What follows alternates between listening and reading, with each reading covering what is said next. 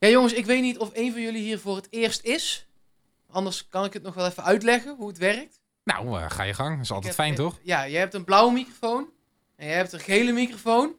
Ja? Eh, en dan moeten jullie er gewoon allebei één Oh kiezen. man, gaat het echt op dit niveau worden, ja?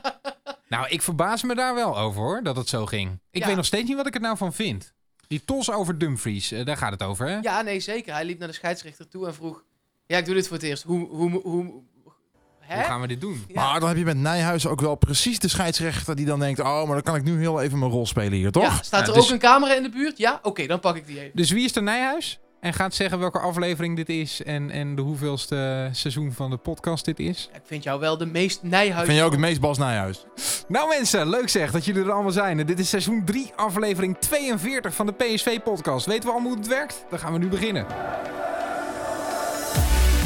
Het is Rosario die hem in de linkerhoek kegelt rechts van de keeper.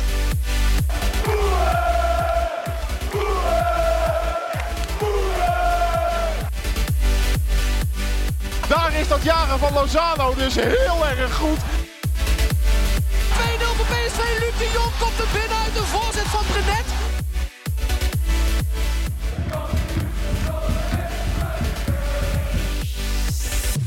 Met in het rode shirt, Mark Versteden. Zeker. Met in een prachtig zwart blouseje, eh, Luc van der Braak. En in een eh, mooie donkergroene trui, Jenny Geling. Dat moet gezegd. Mooie trui. Dank jullie wel. Ja. Ja, jullie zien er ook eh, niet onverdienstelijk uit, mannen. Dank u, dank u, dank u. Ehm, we hebben weer eens gewonnen.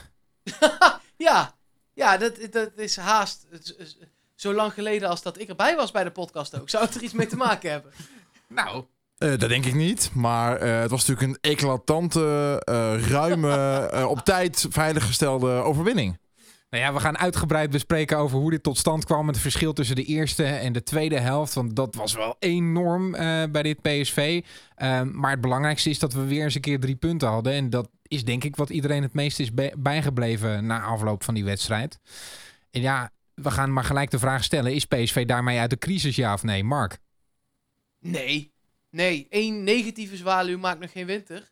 En één positieve zwaluw maakt voor mij zeker nog geen zomer. Luc? Nee, Luc. Wat mij betreft is de crisis bevestigd nu Bergwijn en Malen terug zijn. Oh, Want als daar morgen iets mee gebeurt, heb je weer hetzelfde probleem. Maar jij ziet zelfs niet een stijgend lijntje. Nou ja, Bergwijn schiet er twee fantastisch in. De eerste helft was natuurlijk leuk. Maar ik vind dat het nog steeds veel te veel rommelt binnen PSV. Op alle fronten. Yannick, beantwoord je eigen vragen. Of PSV uit de crisis is, nee. Eh, maar of het heel belangrijk is dat PSV die wedstrijd heeft gewonnen, jazeker. En ik hoop dat hij op tijd komt eh, voor die cruciale wedstrijd tegen Sporting. Want dat gaat je seizoen maken of breken, hoe dan ook.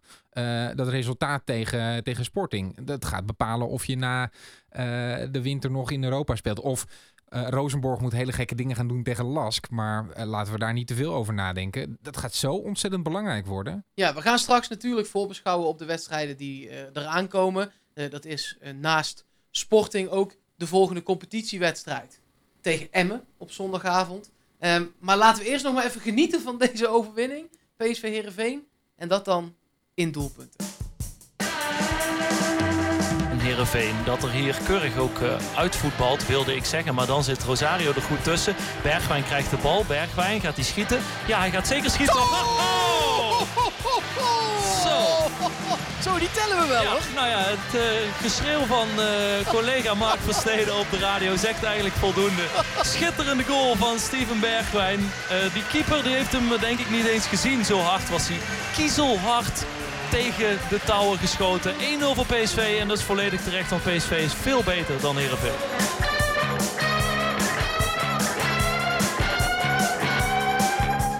Doan op een meter of 20 van het doel kiest de linkerkant. Daar staat Bergwijn. Bergwijn dreigt naar binnen. Bergwijn schieten. Oh, ho, ho.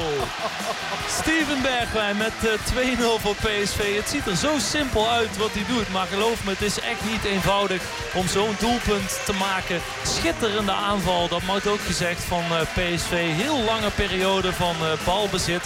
Rosario krijgt een tikkie op het middenveld, maar blijft op de been. En weet de bal bij een medespeler te krijgen. Dat is uiteindelijk Ritsu Doan. Die ziet aan de linkerkant van het veld Steven Bergwijn helemaal vrij staan. En vervolgens ehm, eh, kan eh, Bergwijn zijn mannetje omspelen. Dat is Ricardo van Rijn. En alsof eh, de keeper er niet staat, de bal netjes in de lange hoek gekruld. Schitterend doelpunt. Als Utkaart nu eh, eh, Congolo inspeelt, dan via viergever Ejuke ingespeeld. Ejuke die teruglegt op Otkaart. Dit kan hem zomaar zijn. Ja, en dit dit, is is hem. 2-1 is de stand geworden inmiddels in het uh, Philips Stadion. Er wordt nog wat gebakkeleid daar in de goal om de bal. Maar het begin van de tweede helft is PSV geen schim van wat het was in de eerste helft.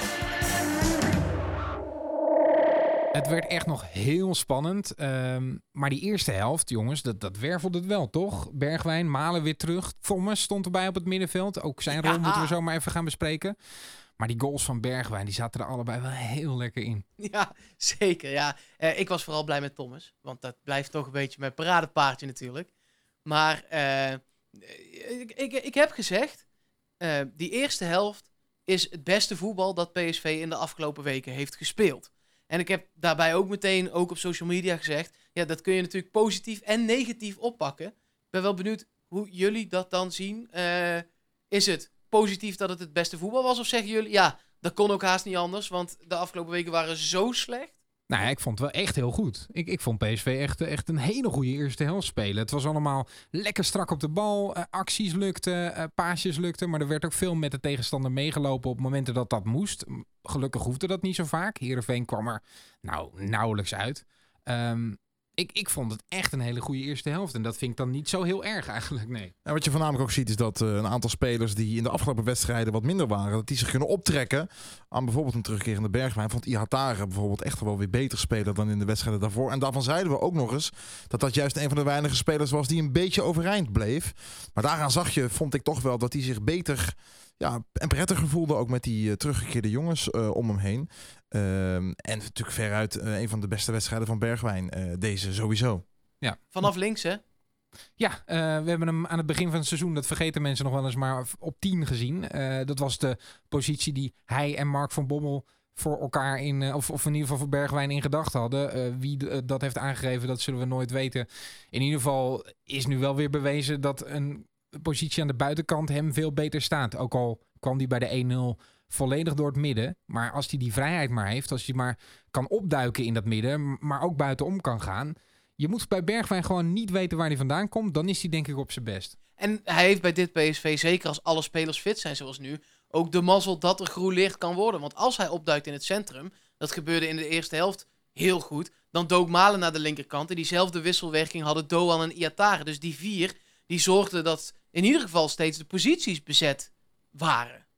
We zijn duidelijk over het feit dat we Bergwijn uh, goed vonden deze wedstrijd. Laten we even wat spelers eruit pikken. Want er was ook op onze social media nogal wat uh, nou ja, consternatie kunnen we stellen over de cijfers die wij uitdelen. Die kun je altijd checken op onze Instagram en op onze Twitter.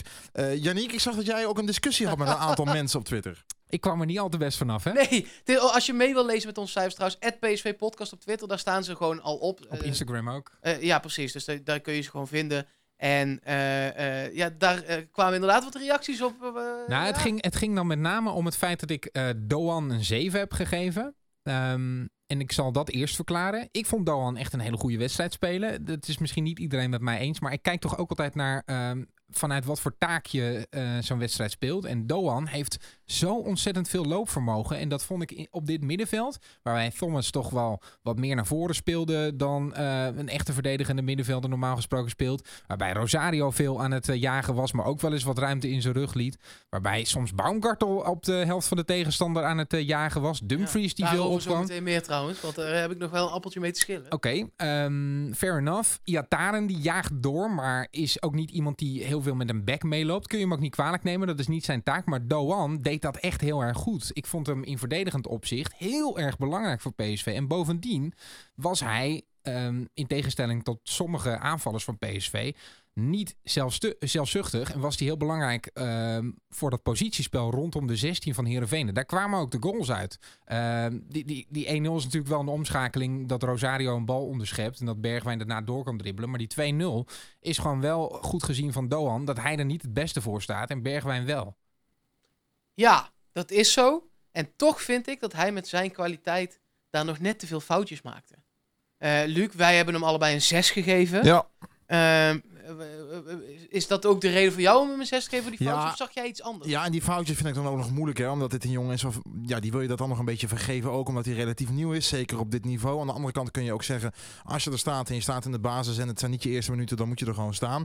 Maar ik ga wel eh, grotendeels mee in wat Janiek betoogt over in ieder geval werklust en loopvermogen en ervoor willen gaan. is namelijk sowieso iets wat volgens mij veel supporters een beetje missen bij PSV de afgelopen tijd. En waar hij en ook samen met Dumfries toch de afgelopen wedstrijden en ook deze wedstrijd wel weer een toonbeeld van was. We hebben het vaak gehad hè, over met gestrekt been erin, maar dan op de juiste wijze, dat je niet een rode kaart krijgt.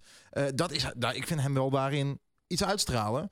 Ehm, en eh, niet te onverdienstelijk, zou ik willen zeggen. Nee, mooi, nee, Doan gewoon een goede pot. Ja, nou kreeg ik ook wel eh, kritiek op die 7 omdat ik Iataren een 6 heb eh, gegeven. Ja, daar wil ik ook heel graag van horen Ja. hoe dat zit. Ja. Hoe zit dat? Ehm, ik eh, snap... Heb je die paas gezien? van ja. die Iataren op paas, man, die paas! Ja, ik vond het waanzinnige ballen die hij gaf. Ehm, maar ik heb hem dat al regelmatig zien doen. En ik ben er steeds weer van onder de indruk. Misschien ben ik een beetje verzadigd We aan het. Messi toch ook niet ineens niks, omdat Nee, we het al absoluut. hebben gezien? Ja. Nee, dat is zo. Eh, en toch wil ik het een beetje nuanceren, Iataren. Want zo langzamerhand begin ik wat verwachtingen te krijgen bij die jongen. En misschien is dat niet terecht hoor. Jullie mogen me corrigeren als dat zo is. Maar Oh, we zijn bezig, we zijn druk bezig. als die jongen eh, echt een hele, hele, hele grote meneer wil worden... ehm, en dat kun je misschien op zijn achttiende nog niet van hem verwachten. Allemaal verzachtende omstandigheden. Maar Maar het- net autorijden. Precies. Het is wel iemand die eh, ehm, eh, richting het Nederlands zelf gaat. En die wij met z'n allen eigenlijk wel verwachten eh, komende zomer op het EK misschien. Dan verwacht ik dat als je in een schietspositie komt, dat je een betere bal kan afleveren dan Iataren meerdere malen deed eh, in deze wedstrijd tegen Herenveen. Hij kwam regelmatig in eh, positie om te schieten. En het waren zulke slappe ballen.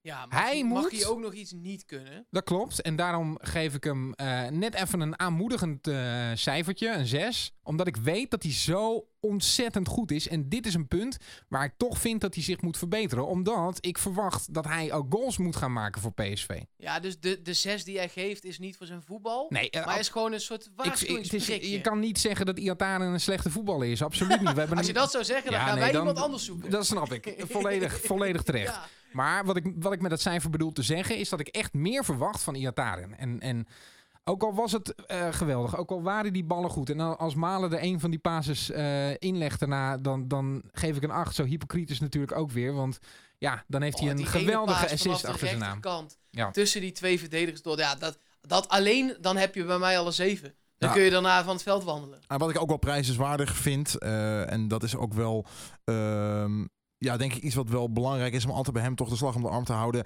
Hij houdt dit gewoon nu al best wel gewoon dit seizoen keurig vol. Een, gewoon een goed niveau. Daar waar dat vorig jaar natuurlijk nogal fluctueerde, is dat nu gewoon echt op orde, vind ik. Ehm, en, en dat was, was de afgelopen wedstrijd ook zo. Daarom eh, voor mij ook een 7. Iemand die ook interessant is om even door te no- Mag ik nog nemen. één ding ja, zeggen zeker. over? Eh, want Yannick die zei net, eh, eh, we verwachten hem eigenlijk wel op het EK.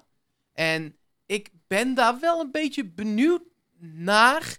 Eh, want er was natuurlijk een afgelopen interlandperiode selectie bijeen waar zowel Bergwijn als Malen niet bij waren. Nou, daar zal de bondscoach ongetwijfeld ruimte voor maken.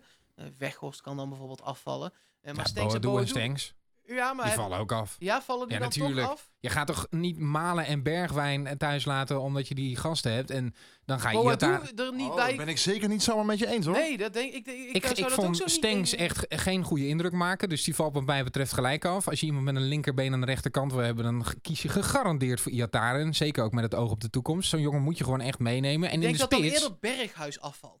Ja, nou, dat kan ook nog. Kun, je nagaan. Dan heb je nog een optie die kan afvallen. Tuurlijk gaat Iataren mee, jongens. Echt. Ja? En eh, gaat hij, wat, wat, wat me wel bemoedigend eh, eh, in de oren klinkt, is dat hij natuurlijk de afgelopen weken, toen Malen en Bergwijn er niet waren, wel een constant niveau haalde. Maar niet dat briljante, weet je wel, echt dat schijnende. Maar nu die twee goede voetballers terug zijn, dat hij daar ook veel beter van gaat voetballen. En ik ben heel benieuwd wat dat doet als hij bij Nederland elftal nog net even dat stapje beter Ik denk dat hij alleen maar wordt meegetrokken in een Ja, dat denk ik dus ook. Maar dat wil ik dan wel graag zien. En ik hoop dat hij in die oefenwedstrijden in ieder geval de kans krijgt om, om dat ook te doen. Ja, ik, ik snap de reden misschien wel waarom hij er nu niet bij was. Het was allemaal heel veel. Maar het zijn nu wel nog maar twee interlandperiodes tot de keuzes van Koeman, hè? Ik denk dat hij sowieso bij de selectie zit. En daar zal hij dan zijn uiterste best moeten doen om daadwerkelijk ook op het papier te belanden natuurlijk.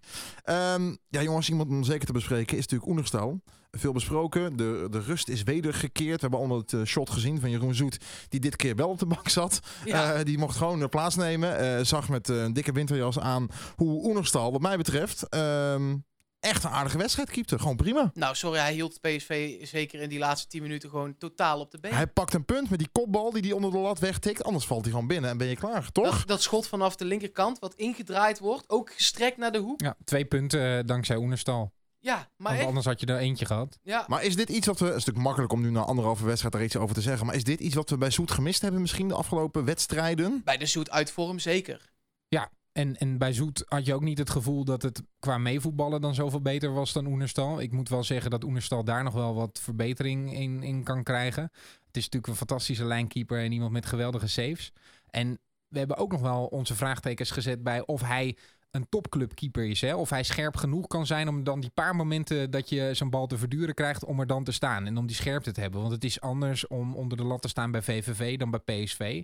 Nou ja, deze wedstrijd is wel een goed voorbeeld van waarop je er op sommige momenten moet staan. En dat deed Oenerstal wel, dus dan heeft hij voldaan. Ik ben het niet met je eens. Want Ik hij stond dat- er niet, of wat? Ja, nou, maar wel. Maar ik vond dat PSV in deze tweede helft niet voetbalde als een topclub. Het waren niet één, twee momenten waar hij er moest staan. Het waren er Nou wel, ja, wel het acht. aantal ballen dat hij echt daadwerkelijk op goal kreeg. Er werden wel heel veel ballen geblokt. En er kwamen veel ballen in de kluts. En ze kwamen veel op de helft van, eh, van PSV. hij moest maar wel hij een paar moest. reddingen doen. Ja, dat klopt. PSV stond in de tweede helft onder druk. En dan was hij dat gewend van VVV. Ja, dat is zo. Die echte topwedstrijden in Europa, dat je echt maar één bal tegen moet houden bijvoorbeeld. Zoals als bij Nee, Barcelona ja, is. ja, Daar ben ik nog klopt. steeds heel benieuwd naar. Wij gaan denk ik niet zo heel veel wedstrijden krijgen, Mark, waarin wij een paar eh, ballen op goal krijgen maar hoor. Nee, nee, dus ik denk dat dit het voor. realisme is eigenlijk. De Ja. realiteit. En jij hebt hem dan nog een 7 gegeven. Ja, of het de 7 of een 8 is, dat ontloopt Nee, elkaar niet zoveel. Eh, ik ben het volledig met jullie eens. En het enige waarvan ik denk dat kan nog beter zijn die uittrappen. Maar dat is het. Dus dat kan ik begrijpen. Daar won Dumfries er overigens heel veel van. Van die ballen die Oenerstal eh, eh, naar de rechterkant op een gegeven moment allemaal maar eh, op Dumfries hoofd aan het leggen was. Wat, wat vinden, vinden jullie van Dumfries? Nieuwe aanvoerder? Ja, dat is wel opvallend hoe dat is gegaan, hè? Nu in één keer wel. Ja. blijkbaar is de interlandperiode dan een moment van bezinning geweest binnen de selectie. Van Bommel heeft gesproken met Rosario en heeft gekeken hoe hij Rosario weer kan terugkrijgen naar het niveau ehm, dat hij vorig jaar haalde. Nou ja, blijkbaar is het gewoon een inschattingsfout geweest om Rosario de band te geven. Ja. Eh, dat kun je misschien op dat moment ook niet weten, maar Rosario ging er daadwerkelijk slechter van spelen. En nu zagen we ook dat Rosario, nou, veel beter voor de dag kwam dan met die band. Hij, eh, dat had ook te maken met dat hij Thomas naast zich had, maar hij speelde een prima wedstrijd. Zeker. Zullen- Zeker als je het vergelijkt meteen- met, met, met wat hij afgelopen weken liet zien. eh, Ja. was het gewoon prima hoor. Zeker. Gaan we zo meteen even dieper in op Rosario. Eerst nog even Dumfries. Want Luc, eh Yannick en ik hebben hem een 7 gegeven. Jij zelfs een 8. Ja. Jij zag echt de aanvoerder. Ja, hij is de strijder die, eh, die je wil zien op zo'n moment. En eh, ik ben altijd fan geweest van Dumfries. En ik vind dat hij gewoon... Hij is het toonbeeld van, eh, van werklust en van strijden. En ik vond dat hij gewoon een prima pot speelde. Zeker ook gezien het feit dat hij uiteindelijk de TOS goed aanvoerde. Heeft er ook goed heeft gedaan. Dat, Hij won hem wel, hè? hij won hem wel. Ja. Ja, ik ben nog steeds van mening, dit is natuurlijk geoefend. Dit is echt op de hertgang geoefend. Dumfries is echt wel even naar Mart van der Heuvel gegaan en heeft gezegd, joh, hoe gaat het nou, hoe werkt dat nou? Het was ook allemaal een beetje, toch? Het kan niet dat een aanvoerder van een topclub eh, niet weet hoe de TOS werkt. Dat kan niet. Even twee dingen hier, daarover. Eén, ik denk ook dat het gewoon was om de scheidsrechter alvast een beetje te paaien. En om, zeker omdat het Nijhuis is, die de- waarvan je dan weet, dus die vindt het leuk om daar een kunststukje van te maken. Dat zei jij net volgens mij al, Luc. En eh, eh, het tweede is, de regels zijn wel degelijk ook veranderd. Eh, aan het begin van het seizoen volgens mij. Vroeger, als je de TOS won, mocht je alleen een kant kiezen. Nu, als je de TOS wint, mag je kiezen of je de bal wil of een kant. Dus dat is wel degelijk veranderd. Dus misschien wilde Dumfries dat toch nog even voor de zekerheid checken. Tja, nou, ik vond het een, een Nee, ja, merkwaardig moment. En ik weet nog steeds niet wat ik er nou van moet vinden. Als ik het, ik heb het zo gezien en dan denk ik, ja. Doe eens een gooi. nou, ik hink gewoon heel erg op onprofessioneel gedrag. Eh, maar ook wel weer grappig. En het is Dumfries, dus daar pik je eigenlijk alles van, hè? ja, Ehm, ja. ja, ja, zo sta ik er een beetje in. Hetzelfde en verder gewoon een goede wedstrijd eh, eh, gespeeld. En zegt aan het einde van zo'n wedstrijd ook wat je wil horen. En wat, wat we ook allemaal gezien hebben. Geen ontwijkende antwoorden of, uh, of clichéboekjes die worden opengetrokken.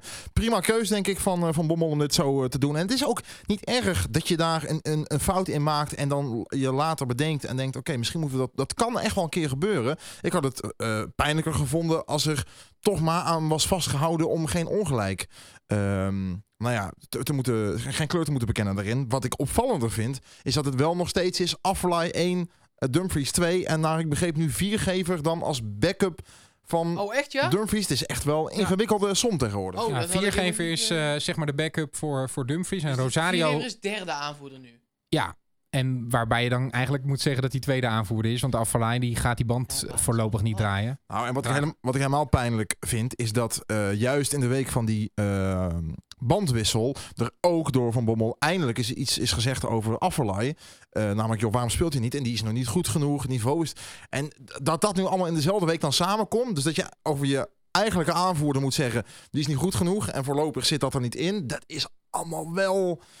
Ja. Zijn het eigenlijk twee inschattingsfouten? Eén, je hebt Afvalai te hoog ingeschat en je had verwacht dat hij eerder op het veld kon staan. Twee, um, Rosario had beter met die druk om uh, kunnen gaan. Nogmaals, maar als je dat weet, waarom is Afvalai dan nu alsnog eerste aanvoerder? Ja, bijzonder. Want je zegt in één week dus, hij is te slecht, maar hij blijft de eerste aanvoerder.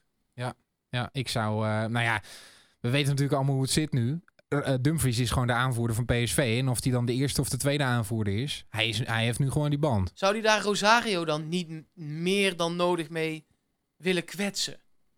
Hoe, hoe, bedoel je? Ja, Rosario als tweede aanvoerder. Als je dan Dumfries nu eerste aanvoerder maakt en Affelay dat tussenuit laat vallen. Dat zowel Rosario als Affelay dan denkt, ja, wat doe ik het nog voor? Ik denk dat Rosario thuis kwam, de dag nadat hij het gehoord had, dat hij de deur dicht trok en dacht...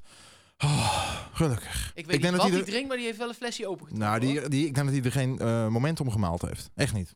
En dat is ook goed, denk ik. En het kan gebeuren, je maakt een fout. Um, uh, prima, we hadden het net al even over uh, zijn spel in de wedstrijd. Laten we het voornamelijk even hebben over het tijd, uh, feit dat we nu eindelijk een keer Thomas langer dan 20 minuten in actie hebben kunnen zien. Samen met Rosario daar. Hoe was dat? Ja, ik, ik vond het heel lekker. Jij hoeft je mij niet te vragen. Nee, jij vindt het altijd geweldig. maar ik vond het heel dynamisch nu, dat middenveld. Ehm, ze vulden mekaars positie in. Ze jaagden door op ballen. Uh, die 1-0 was gewoon een goede onderschepping van Rosario. Maar je, je, hebt ook het gevoel dat hij dat durft, omdat Thomas achter hem staat. En die kan ook eens een keer een bal onderscheppen. Dat, dat is wel lekker natuurlijk. Ja, nee, als jullie er klaar voor zijn om te zeggen dat ik gelijk had. Ik ben hier, hè. Nou, doe maar even je lofzang dan. Even, nu kort, gewoon even je lofzang. Nou ja, kijk, hij heeft natuurlijk ontzettend veel pech gehad bij PSV. Hij raakte, voordat hij überhaupt een minuut gespeeld had, raakte hij geblesseerd. En op het moment dat hij wel weer mee kon doen, werd hij eigenlijk na, nou, wat was het, 25 minuten terecht met rood van het veld gestuurd. Uh, gewoon anderhalf jaar lang agressie opgebouwd om te kunnen spelen en net over het randje. Maar als je hem nu ziet afjagen, want uh, die 2-0 komt omdat hij aan het doorjagen is ook. Dus dat, dat vind ik echt mooi om te zien. Ja. Hij zorgt echt voor die balans inderdaad. En het is precies zoals ik hem me voorgesteld had. Want hij is ook met inspelen gewoon goed. Hij gaat niet vier man voorbij lopen. Maar hij kan wel linie overslaan, tussen de linies iemand vinden. En dat is voor Iatare ook lekker. Afstandsgrondje had hij nog met links. Ja, dat, dat, is, dat is niet zijn topprioriteit en ook niet zijn nee, kwaliteit. Voorzetjes en paasjes is niet uh, je van het. Maar op de plek waar hij staat en dat wat hij... Hij is echt, denk ik, de Mark van Bommel van, van dit PSV. Ja, en dat is iets waar we natuurlijk al over gehad hebben, een paar podcasts geleden. Uh, de vraag die gesteld wordt van, mist Mark van Bommel een Mark van Bommel? Nu niet meer. In zijn elftal. En dat zou nu inderdaad best wel goed, dat hij nu eindelijk zo'n verlengstuk uh, daar heeft. Ja, ik ben blij dat hij het niveau gewoon vasthield. Want ik was al heel erg onder de indruk van die 20, 25 minuten in die eerste wedstrijd. Uh, en gewoon goed. En dit gaat het voorlopig ook wel gewoon, gewoon blijven, denk ik. Als Thomas dan de Mark van Bommel is, is Rosario dan de Johan Vogel? Veugel? Iemand die zo snel mogelijk een balletje moet afspelen. Ja, ja, en die, uh, ja. Valt wel mee, denk ik. Maar, uh... Nou ja. Ja, ik, ik, nu, nu denk ik, uh, laat Rosario elke week zo spelen. Dat was prima. Um, ik, ik vond hem echt een, een uitstekende indruk maken. het is nog steeds niet het niveau tegen Inter thuis vorig seizoen... waarin hij een bal binnenkegelt en waarin elke paas vooruit was. Dat heeft hij nog niet. Maar het is, het is wel lekker ook voor hem om te zien dat, dat er een stijgende lijn in zit. Dat is ook heel belangrijk. Zeker. Laatste speler die we denk ik even moeten bespreken. En daar refereerde jij al aan, Mark. Timo Baumgartel. Ja, ik, eh, ik verbaas me echt dat jullie hem een voldoende hebben gegeven. Hij heeft al zijn luchtduels gewonnen. Ja? Ehm, hij jaagde af en toe door tot op de helft van de tegenstander. Ja? Wat ik verfrissend vond. Oké. En ja, ik heb hem ook maar een zesje gegeven eh, ten opzichte van veel hogere cijfers aan andere spelers. Ik, ik, ik denk dat het er op tv, ik zat zelf in het stadion, dat het er op tv beter uitzag dan in het stadion. Omdat je dan natuurlijk ook de organisatie van achteruit eh, in beeld krijgt. Maar het doelpunt van Herenveen komt 100% op de konto van Baumgartel. Ja, die loopt richting de bal waar Viergever ook al stond. Ja, maar en dat doet hij nadat... Kijk, dat doorjagen naar het middenveld waar jij het over hebt, dat is superleuk. Als je daarna wel... Kijk, die Utgaard die deed dat heel slim. Die had dat op een gegeven moment ook door. Dus die liet zich wat uit de spits zakken. Dan moest Baumgartel doorjagen. Ehm, en op de terugweg loopt die Utgaard, of Utgaard, die loopt gewoon van hem weg. En Baumgartel loopt naar de man waar zowel Viergever al bij staat en Dumfries nog van op een meter staat. Waardoor die jongen die de bal had, volgens mij was dat Ejuke, maar dat weet ik niet meer zeker, die hoeft hem maar twee meter naar links te leggen en hun spits kan dan gewoon vrij inkoppen, eh, sorry, vrij inschieten, omdat Baumgartel totaal zijn man kwijt is. En ik zou willen dat het niet exemplarisch was voor wat hij deze wedstrijd deed, maar hij zorgde achterin echt voor chaos door soms zijn man te laten lopen. En Viergever is ook echt een paar keer ontzettend woest op hem geweest. Ja. Blijf nou eens bij een man. Zorg nou eens niet voor onrust. Want die luchtduels, dat is mooi. Dan is, moet hij de mandekker zijn. Maar hij staat daar een soort van half space ruimte te dekken die er niet is. Nou, we weten dat Baumgartel in de 1 tegen 1 niet de allerbeste is. Als hij een man moet dekken. Ja, maar blijkbaar in de ruimte ook niet. Nee. Zorgt hij blijkbaar voor chaos. Ja, ja dat, het het is wel een ding natuurlijk. Want er gaan nu wedstrijden aankomen waarin je moet gaan kiezen of je Swaap dan weer terugbrengt. En weer met het duo viergever Swaap gaat spelen. Of, en daar eindigde PSV deze wedstrijd mee, Baumgartel, Swaap in het centrum en viergever aan de linkerkant. Ik kan me voorstellen dat dat tegen Sporting bijvoorbeeld een optie is. Ja. Waarin je een resultaat moet eh, halen. Ja, dat, dat zijn wel eh, goede vraagtekens. gespeeld, hè? Nou, eh, daarbij is al een keer voorgekomen dat Baumgartel is gepasseerd voor Swaap. Omdat Baumgartel niet functioneerde. Toen is Swaap gekomen. En die viel toen wat mij betreft bizar hard door de mand. Hoe pijnlijk ook. Want ik mag Daniel Swaap heel graag. En vind heeft in voorgaande seizoenen echt wel gewoon... Was een goede verdediger voor PSV. Maar deed het bij tijd en wijle nog minder dan Baumgartel. En als je dan op een van die twee paarden moet wedden. Dan maar Baumgartel. Ja, dat ben ik het met je eens. Maar hij speelde nu gewoon echt geen goede wedstrijd. Nee, maar ook niet. Zou je hem op de bank zetten nu? Nee, nee, maar ik vond dit niet goed genoeg. Nee, ik nee zou het kan beter. staan. Duidelijk. Eh, want hij heeft kwaliteiten die we hebben gezien, bijvoorbeeld tegen Vitesse met zo'n splijtende paas. Hij kan het echt wel, maar eh, voor deze wedstrijd krijgt hij van mij een 5. Want eh, aan de bal was hij goed, in de lucht, kopduels was hij echt sterk, daar ben ik helemaal met je eens. Maar de chaos die hij nog veroorzaakt achterin, zeker als Dumfries aan de rechterkant helemaal naar voren rent en dus niet meer achterin is, dan eh, moet hij daar de rust bewaren. Eh, nu we het over de verdediging eh, hebben, en we het onder andere net hadden over die eh, linksback plek, moet het misschien even hebben over toch wel interessant nieuws dat deze week naar buiten kwam. Heeft natuurlijk alles te maken met het fenomeen. Ik volg hem op Instagram en ik zie hem bij tijd en wijle van een koffietje genieten of in een Eindhovens park zeg maar tijd benutten. Het gaat natuurlijk over Is het eh, de jarige Job van afgelopen week, Tony Lato? Tony Lato, dames en heren. ja, we laten de wedstrijd even achter ons. Ja, want. Want eh, dat is toch wel een bijzonder verhaal. Tony Lato, die hebben we eigenlijk allemaal amper gezien. Ja, ik heb hem meer op Instagram gezien dan in eh, real life. Eh, en Valencia heeft nu toch wel een aparte uitspraak gedaan. Ze hebben hem namelijk min of meer verboden om in het belofte elftal van PSV aan te treden. Ja, dus de vraag van ons, waarom speelt hij nou in godsnaam niet af en toe daar? Ja, Die is beantwoord. Ja, eh, hij is niet te, oud. Hij is 22, dus hij zou daar mogen spelen. Eh, hij heeft ook wel een wedstrijdje in dat belofte team gespeeld. Maar toen dacht Valencia dat dat was om hem klaar te stomen. Wedstrijdminuutjes, dus het zal allemaal wel. Maar zij willen hem nu of in PSV 1 zien of niet in het belofte team. En zowel PSV als kennelijk Tony Lato zelf denken... ja, maar wacht even. eh, ja, hè. Dus het, het begint er toch steeds meer op te lijken... dat niet zozeer Lato de boosdoener is in deze... maar dat dat misschien toch eigenlijk Valencia is. Nou, het is wel heel gek hoe dat gaat, Ja. vind ik allereerst. Dat staat blijkbaar dan in het contract, in, in de kleine lettertjes. Waarover Mark van Bommel zei, er zijn heel veel kleine lettertjes. Dat k- kan ik me absoluut voorstellen, maar eh, dit mag natuurlijk niet gebeuren. Toch? Nee, dat lijkt me heel gek. Kijk, ik, ik, eh, eh, kun je dit dan een fout van de Jong noemen? De man die hem toch gehaald heeft. Nou ja, kijk, natuurlijk gaat ook eh, eh, hij ervan uit dat, dat Tony Lato is gehaald voor PSV 1. En dat hij daar zijn wedstrijden gaat spelen. Maar er gaan echt wel momenten voorbij komen waarin hij een jong PSV moet gaan spelen. En dan kan Valencia zeggen, dat is niet om hem klaar te stomen. Dat is wel nu om hem klaar te stomen. Want blijkbaar is hij nog niet klaar voor PSV 1. Dus zij zijn erbij gebaat dat hij eh, in jong PSV speelt. PSV is erbij gebaat dat hij bij jong PSV speelt. En die jongen zelf is erbij gebaat. Dus dat is natuurlijk wel een heel gek verhaal. En ik vraag me af of dit vanaf nu ook wel wordt bekeken eh, bij contracten die PSV afsluit. Dat lijkt me wel. Zal toch wel? Ja, dat lijkt me ook. Maar wat zou de reden van Valencia kunnen zijn? Want ik heb er echt lang over nagedacht en ik kan, ik kan me niks bedenken. Nou, dat zij bang zijn dat wij eh, heel graag een resultaat willen halen met jong PSV en daarom hem op linksback zetten daar of zo. Ja, of dat hij daar zo'n zware blessure oploopt dat hij er meer dan een half jaar uit is? Nou ja, nu gaat hij er ook een half jaar uit zijn, want hij gaat niet spelen. Nee. Nee.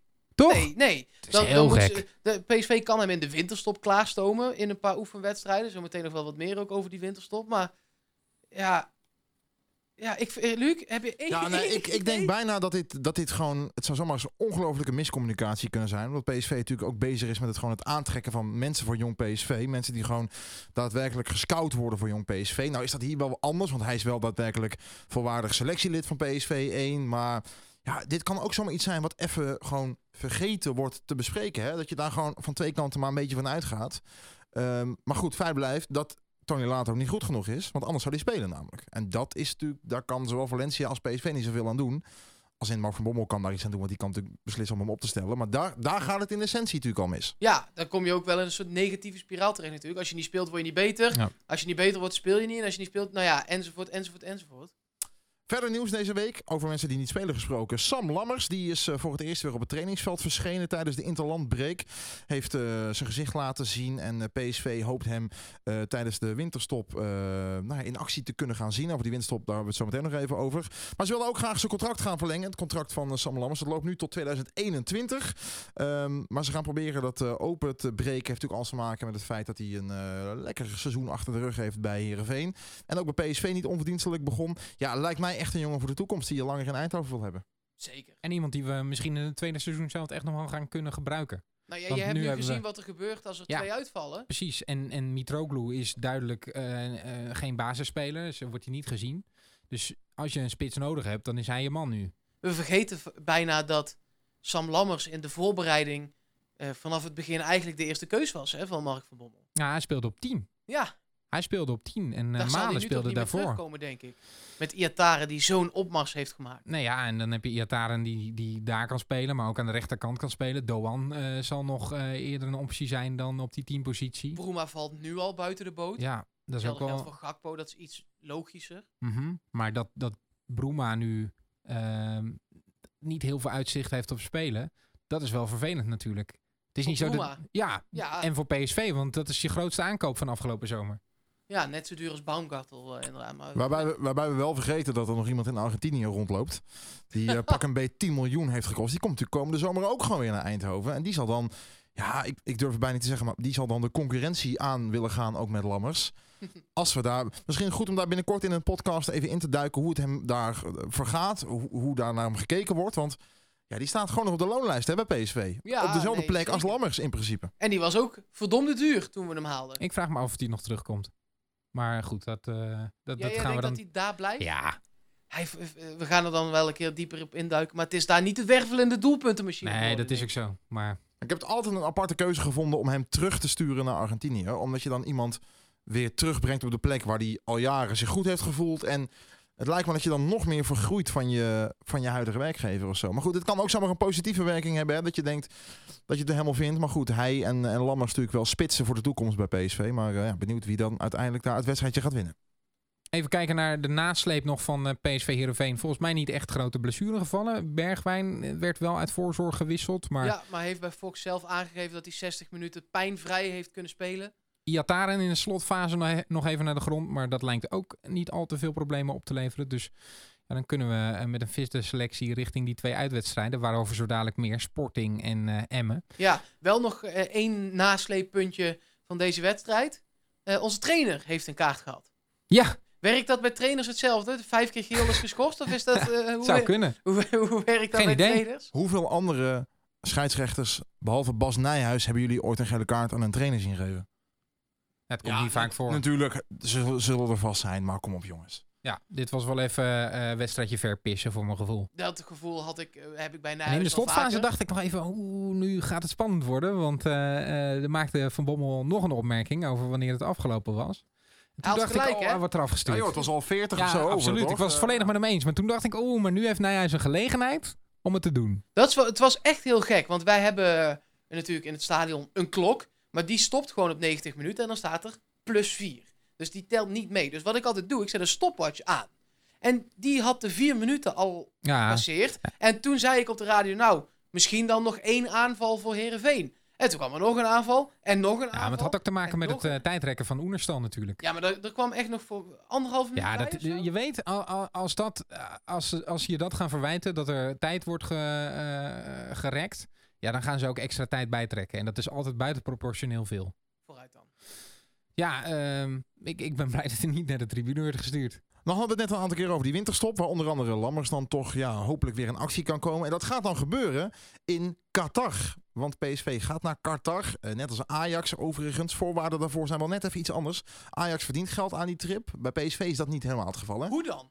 Er wordt betaald om naar Qatar te gaan. Ja, dat, is- dat, dat, als je er geld voor krijgt, dan snap ik die financiële redenen nog. Dat land is, laten we het op z'n zachtst gezegd, niet vlekkeloos. Nee. Daar gebeuren dingen Ja. waarvan je, als je het door een mensenrechtenbril zou gaan bekijken, zegt... Nou, dat kun je ook niet doen. ja, en de vraag is dan, welke rol heeft PSV daarin? Toon Gerbrands heeft er vorig jaar iets over gezegd, want toen was PSV ook in Qatar. Toen heeft hij gezegd dat de voetbalwereld ver moet blijven van de politiek. Of iets in die trant. In ieder geval dat, de, dat Totdat er, PSV geen racisme, totdat er racisme is en dan Exact moet de dat. politiek Exact eh, dat. wel Dit wilde ik er ook over zeggen. Ja.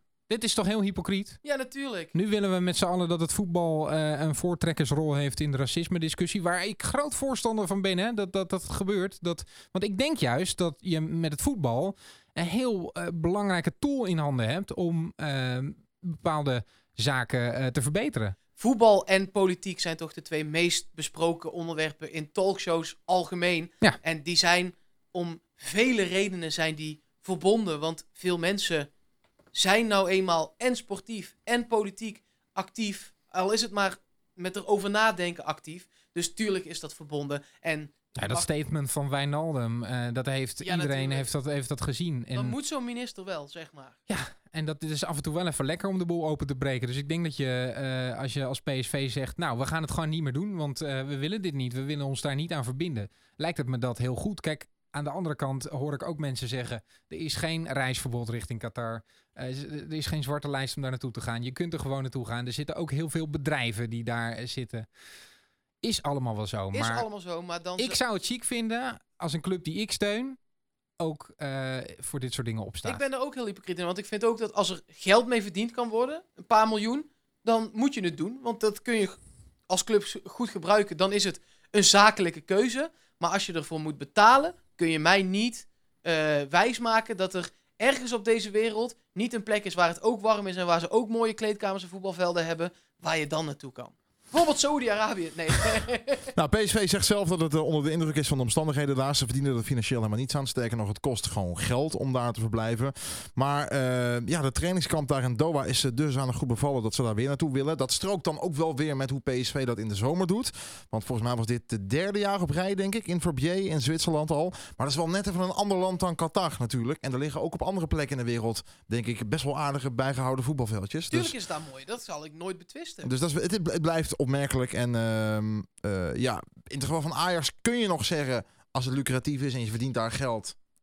Nou ja, dat kan een beweegreden zijn. Ja, Maar als het je ook nog zelf, zelf geld kost, ja. 4 tot en met 12 januari gaat het eh, plaatsvinden, dat eh, trainingskamp van PSV. En PSV gaat daarin wel geteld één oefenwedstrijd spelen. om even Sam Lammers klaar te stomen, eentje zat ook. Dat eh, gaat gebeuren tegen KAS Eupen. Wie kent ze niet? Eh, ik. Nou ja, is, eh, En ik. Wel eens van gehoord. Maar... Ja, precies. en maar- Menno Koch speelt er. Oh, ik wilde net zeggen, als ik één speler zou moeten noemen die daar speelt, dan kom ik daar niet op. Nou, als mensen je dat vragen vanaf nu, Menno Koch. Menno Koch. Oké, fijn. Verder eh, moeten we ze opzoeken, denk ik, tegen die tijd.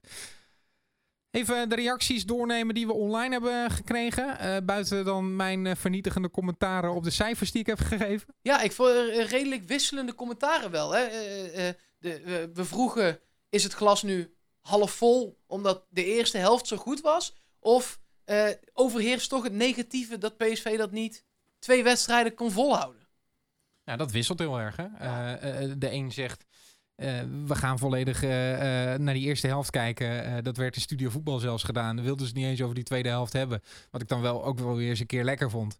Ehm, maar er zijn ook heel veel mensen die het verval in de tweede helft wel heel groot vonden. En daar ben ik ook wel onderdeel van. Ik ben daar wel bezorgd over. Aan de andere kant, nogmaals, die drie punten die tellen gewoon in deze fase voor PSV. En je had gewoon heel erg het gevoel in die tweede helft dat PSV bang werd en dat je en ik zat zelf ook zo voor de tv. Het gaat toch niet nog een keer gebeuren. En dat voelde je op elk moment in die wedstrijd in de slotfase. Ja, dat zegt eh, Mark van Zutphen bijvoorbeeld ook. Opluchting. Omdat Van Bommel eindelijk het een en ander heeft omgezet. Daar zijn mensen ook wel gewoon eh, blij mee. Eh, hij tegelijkertijd ook onbegrip dat Sadilek nog altijd de linksback is. Ja, ik had ook Boscagli wel een keer verwacht, maar dat heb ik ook al in een eerdere aflevering gezegd. Ja, maar dan blijft het toch Mark van Bommel die op safe speelt. En die met Zuiderlek gewoon weet wat hij krijgt. En, eh en daar dan voor kiest. Ja, ik denk dat dat toch zeker tot de winterstop echt nog wel zo zal gaan blijven. Want hij heeft al op zoveel andere plekken zorgen om wat hij daar nou precies wil. Daar wil hij dan de linksbackplek misschien niet ook nog eens bij hebben. Als je daar iemand hebt die volgens nou, kennelijk de Van Bommel standaard wel gewoon voldoet. eh grotendeels van de tijd, toch? Ja, dat denk ik ook. Niek die zegt, ik vond het een verademing om weer met Malen en Bergwijn te spelen in de eerste helft. Dan gaat er aanvallend veel meer dreiging uit, Ja. ook vanaf Mo. Maar in de omschakelingen verdedigend was het de eerste helft ook al matig en de tweede helft gewoon slecht. Ehm, dan heb je nog Ed Duz. Die vindt het glas half vol ten opzichte van de vorige weken. In ieder geval de punten en dat is positief, dat lijkt me ook. Eh, door Bergwijn en Malen in ieder geval nu weer wat vertrouwen in de ploeg. En daar ben ik het ook wel echt mee eens. Ja. In de Je eerste hebt weer het gevoel dat er een goal kan worden gemaakt überhaupt. ja, in de eerste helft. Maar je zag ook het vertrouwen bij het inspelen en bij het overslaan van linies en zo. Aan de andere kant zet, eh, zegt Ed Ralf Peters wel dat voornamelijk de eerste helft overheerst. Maar hij zegt dat dat PSV na de 1-2 volledig de weg kwijtraakt. Komt door de angst die in de ploeg zit na de goal van Heerenveen. Dat moet uitgroeien. Ja, dat is, blijft wel een goed punt. Hè? Hoe, hoe zeker is iedereen nou van elkaar in die, in die, in die ploeg? Eh, en hoe zeker weet iedereen nou van elkaar? Daar komt geen bal door, dat komt goed, we rooien het wel. Dat is wel interessant nog. Het heeft ook te maken met de situatie waarin PSV zit natuurlijk. Normaal gesproken, als je 2-0 voorkomt tegen Heerenveen, dan denk je, nou, dat is wel gepiept. Toch? Ja, nee, Dan zeker. moet er wel iets heel geks gebeuren. We hebben ook wel gekke wedstrijden gehad tegen Heerenveen, dat moet ik erbij zeggen. Maar drie van de afgelopen tien wedstrijden gewonnen. Ja, maar toch, normaal gesproken als je 2-0 voor staat in een thuiswedstrijd, dan eh, zit je wel gebakken. Maar nu moet je echt 3-4-0 voor staan om zeker te zijn als je PSV bent. Want zij krijgen ook het gevoel van, er valt hier iets te halen. Eh, wij, wij gaan nu even doorzetten. En dat, dat merkte je zo aan alles. En ik hoopte dat het invallen van Hendricks nog voor rust zou zorgen. Maar die liet ook een paar ballen van zijn voet springen. Ja, ik denk dat ik het in de rust heb gejinxed. Ik zei in de rust tegen eh, mijn radiocollega... Ja, ik heb echt zin in een 5-6 nulletje vandaag. Ja, had je niet moeten doen. Nee, nee, nee. nee. Maar misschien wordt hij bewaard. Misschien eh, tegen Sporting. Nou, dat zou mooi zijn. Zullen we daar eens op vooruit gaan blikken? ja, Eh, PSV heeft één officiële wedstrijd ooit gespeeld tegen Sporting.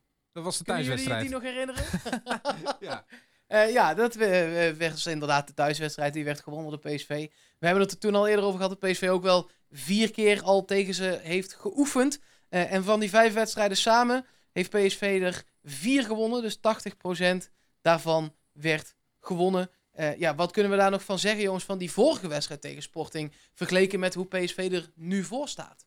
Dat het nog moeilijker zal worden, denk ik. Want, Want toen eh, speelde PSV Sporting zeker in de eerste helft best wel van het matje. Ja, Sporting zat toen ook net met een nieuwe trainer. Die waren zelf helemaal de weg kwijt.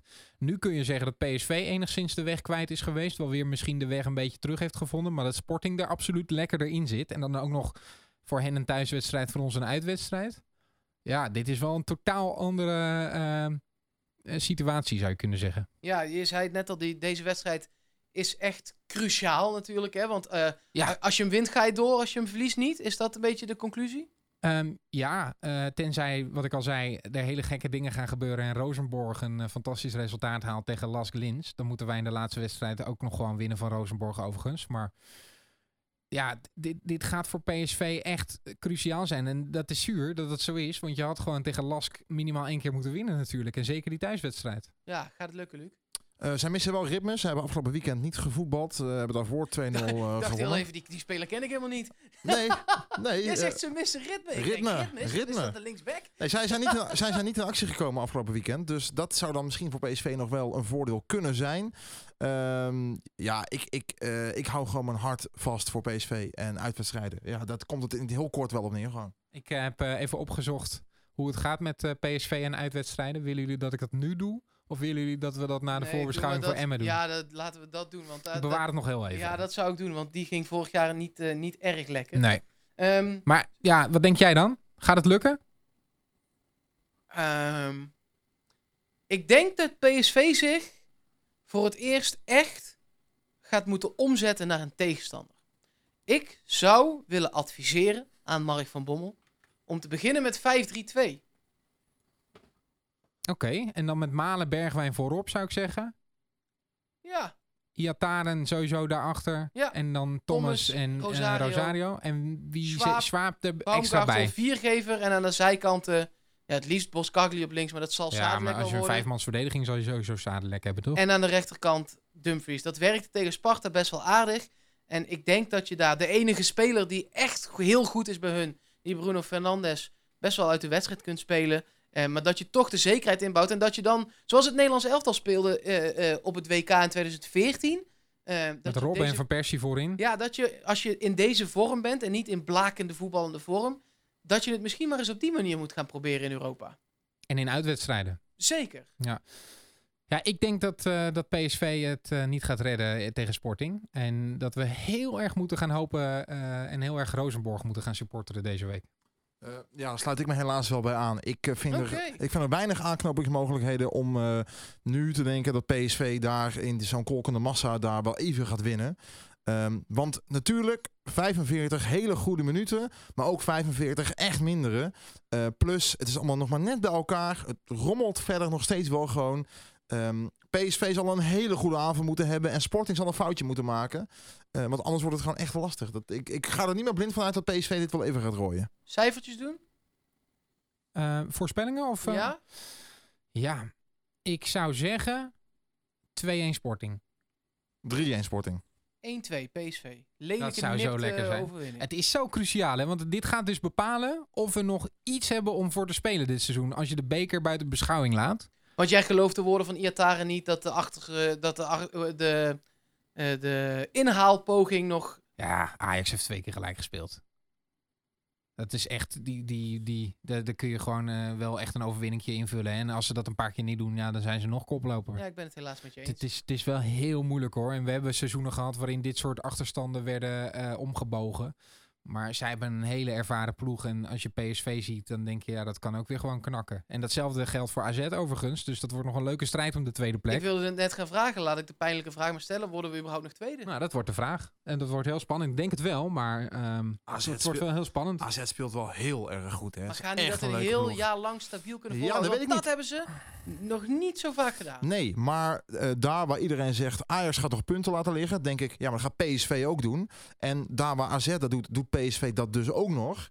Eh, dus nee, dat wordt gewoon heel, dat wordt heel lastig, denk ik. En eh, het zal echt een enorme revival van PSV moeten worden. Eh, en dan nog het nodige geluk hier en daar om dat nog überhaupt te En bewerkstelligen. juist daarom is die wedstrijd tegen Sporting zo belangrijk. Daar, daar komt het gewoon steeds weer op neer. Hè? We moeten gewoon echt overwinteren in die Europa League. En als dat niet gebeurt, ja, dan is het een dramatisch seizoen. Ho ho. GVVV uit komt er nog aan, hè? Ja, Uitwedstrijd. Oh ja, is lastig. Ja. Snel door naar de volgende Ja, ja, uitwedstrijd nou, dan. eh, dat is de uitwedstrijd tegen Emmen. Eh, en laten we dat lijstje er meteen maar even bij pakken, Janiek. Want PSV heeft in de, tegen Sporting maar vijf keer gevoetbald in de geschiedenis. Maar heeft ook tegen Emmen pas vijf keer gevoetbald in de geschiedenis. Ook daar werd vier keer van gewonnen, net als van Sporting. Hier werd één keer gelijk gespeeld. En laat dat nou net de wedstrijd zijn waar je niks lijstje mee begint. Ja, dat eh, begint eh, dit zijn kalenderjaar. uitwedstrijden van dit kalenderjaar. Ja, ik heb even eh, 2019 in uitwedstrijden uitgesplitst en gekeken wat dan de resultaten zijn van PSV. We hebben er 20 gespeeld dit eh, seizoen al, Ik uitwedstrijden. Nou ja, eh, je kunt even doorscrollen. eh, dan, dan, dan gaat deze marteling voorbij. Maar het zijn 20 wedstrijden. Eh, ik, ik zal het even doornemen. Als je, als je het globaal ziet, dan hebben we er 8 van gewonnen van die 20. Eh, wat wil zeggen 12 niet. Dat is echt schrikbarend. Emma uit, daar begint het dan inderdaad. Begin 2019 2-2. Daarna Utrecht uit, ook 2-2. Heerenveen uit, ook 2-2. Dan Excelsior uit, wel gewoon gewonnen, 0-2. VVV uit, ook gewoon gewonnen. Of nou ja, gewoon 0-1 met. Lozano in de laatste minuut. Oh, Eh, dan komt er een nederlaag tegen Ajax 3-1. Komt er een gelijkspel uit bij Vitesse 3-3. Dan Willem 2 uit, wel gewoon gewonnen 0-3. Maar dan AZ uit 1-0. Dan is dat seizoen afgelopen. Dan beginnen we aan het nieuwe seizoen met een nederlaag in de Johan Cruijffschaal 2-0. Basel uit, een nederlaag 2-1. Dan komt er een rijtje met overwinningen. Maar ja, tegen ploegen waar tegen je dat ook wel mag verwachten. sorry, Bijvoorbeeld Augustszoen tel ik echt niet. Haugesund 0-1. Prachtige overwinning. Penalty. Bergwijn. Ja. Ja, die staat in het rijtje van die acht overwinningen die we hebben Ja, geboekt hè, voor. Apollon uit 0-4. Eh Apollon, Limassol nogmaals. RKC uit 1-3 gewonnen. PEC uit 0-4 gewonnen. Rosenborg uit 1-4 gewonnen. Dat is dus een blokje met vijf gewonnen uitwedstrijden. Maar daarna gaat het weer helemaal mis. Afgelopen vier uitwedstrijden niet gewonnen. Utrecht uit 3-0. Sparta uit 2-2. Lask Lins uit 4-1. En Willem 2 uit 2-1. Welke was de pijnlijkste? Ben ik voor jullie allebei wel benieuwd naar. Als je het me nu zo vraagt. Ja, Haugesund. maar die wonnen we. ja, Ja. dat was nog eens het pijnlijkste. Nou ja, Emma uit was wel zo ontzettend zwak natuurlijk. En, En daar is het verval eh, begonnen. Ehm, we hebben de titel natuurlijk weggegeven in Amsterdam. Dat is ook wel duidelijk. Maar ik wil toch ook wel zeggen dat die uitwedstrijd in Basel, die mogen we niet vergeten. Voor mij is die eh, tegen Lask het pijnlijkste. Die zit nog Ja, die vers in 4-1. het geheugen. Ja, echt. Maar dat daar was ook ging zoveel fout. Ja. Nou, voor mij is dat ook zeker eh Emmen. En ik heb me ook voorgenomen om eh, vanaf dat moment eh, echt de komende jaren, samen met, ik was daar samen met Yannick Eeling, om daar de komende jaren echt voorlopig even niet meer samen met eh, naartoe te gaan naar die wedstrijd. Dus, Wat doe jij zondagavond dan? oh ja, dan ben ik in Emmen inderdaad. nou, Met dat was wie? gezellig. ja. ai, ai, ai. Oh, dat was zo verschrikkelijk toen, jongen. ja. Sorry, Maar ik weet wie het wel- schema heeft gemaakt. Ik denk jullie moeten revanche. Compliment aan FC Emmen. We hebben het gepresteerd om van de perstribune naar de auto. Nou, ik denk dat dat Drie minuten? drie minuten ongeveer. Nou, Dus we konden ook onze auto zien staan, want ze hebben daar open hoeken. ik kom vanaf de perstribune. Dat was echt het beste eh, wat ik die wedstrijd heb gezien. Namelijk Jouw mijn eigen, auto. ja, maar zo slecht was die wedstrijd in de eerste helft. Het was gewoon dat die lange guy die inmiddels gestopt is met voetballen. Eh Pedersen. Pedersen, ja, zeker. Oh, gelukkig is hij er niet bij tegen PSV. nee, maar die kopte gewoon twee keer binnen in zes minuten of zo. ja, laten we het alsjeblieft snel vergeten en hopen dat dat... Nou ja, dat eh, kan niet, want er komt nu nog een deel voorbeschouwing. Oh, dan gaan we het niet vergeten. Ik- Maar dan eindig ik positief. Doe dat, doe dat. Grootste overwinning ooit in het Philips Stadion 6-0. Grootste overwinning daar was wel in 1982. Maar oké. Maakt niet uit. 1-7. Laten we daar dan maar gewoon aan vasthouden. Nou, dat wordt het dan, denk ik. En op vijf wedstrijden heeft PSV natuurlijk dus een, een fantastisch doelsaldo tegen Emmen. Eh, ja, één keer die 2-2. Eén dingetje nog over die wedstrijd. Dat was de wedstrijd waar de boycott voor in het leven werd geroepen door eh, Lightdown Madness en Boys from the South. South. Het heeft alles te maken met eh, het feit dat eh ze tegen zondagavond 8 uur wedstrijden zijn. Ehm uitverkocht uitvak. Vind ik mooi. Ja, dat, dat is, ze zeggen zelf geen mislukte boycott, hè? Want zij hebben wel gewoon hun punt kunnen maken. Maar dat is ook zo. Zeker. Dus iedereen is Dus iedereen blij? is blij, want er zijn mensen die normaal gesproken niet naar een uitwedstrijd kunnen, die daar nu wel bij zijn. Eh, PSV is erbij gebaat, want er is gewoon wel een vol uitvak. Ik ben benieuwd hoeveel geluid ze maken als eh, eh, Boys from the South er niet bij zijn. Maar Nee, dat zijn wel de aanjagers, eerlijk Dus, gezegd. precies, maar ja, ehm, ik, ik denk dat het heel fijn is dat PSV daar de vol, voltallige steun heeft in het uitvak. En dat dat wel lekker is, want ik had het wel heel vervelend gevonden als dat een leeg vak was geweest. Ja, en ik moet eerlijk zeggen, ik vind die wedstrijd op zondagavond om 8 uur ook verschrikkelijk. Ja, jij staat er anders in, Luc, maar ik vind het ook. Lekker potje. Behalve als je op zondagavond uit naar Emmen moet. Ja, dan is het echt een hele lange terugweg. Maar goed. Laten we nog even de, de punten erbij pakken, de cijfers. Ja, ik denk dat PSV heel lekker zondagavond die bus instapt en dan zal het een eh 0-4 overwinning worden. Eh 0-2 PSV. Dan ga ik er tussenin zitten. 0-3. Totaal onrealistisch als je dat lijstje net ziet, hè? Ja. Maar goed. Ze speelden 1-1 tegen RKC dit weekend. Kom maar goed. Ja, kwamen 1-0 achter tegen RKC hoor. Oké, ik twijfel. Maar het komt goed.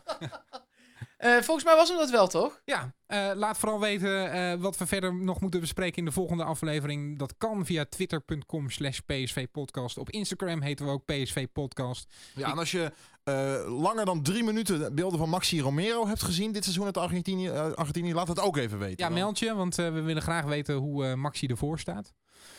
En, en geef gewoon weer sterren en, en comments en, en al van dat soort leuke dingen. Want ik vind het echt heel tof als, als jullie reageren. Is hij trouwens de broer van Nicky Romero? Vroeg ik mij nog af. Of... Dat hoop ik niet voor Nicky.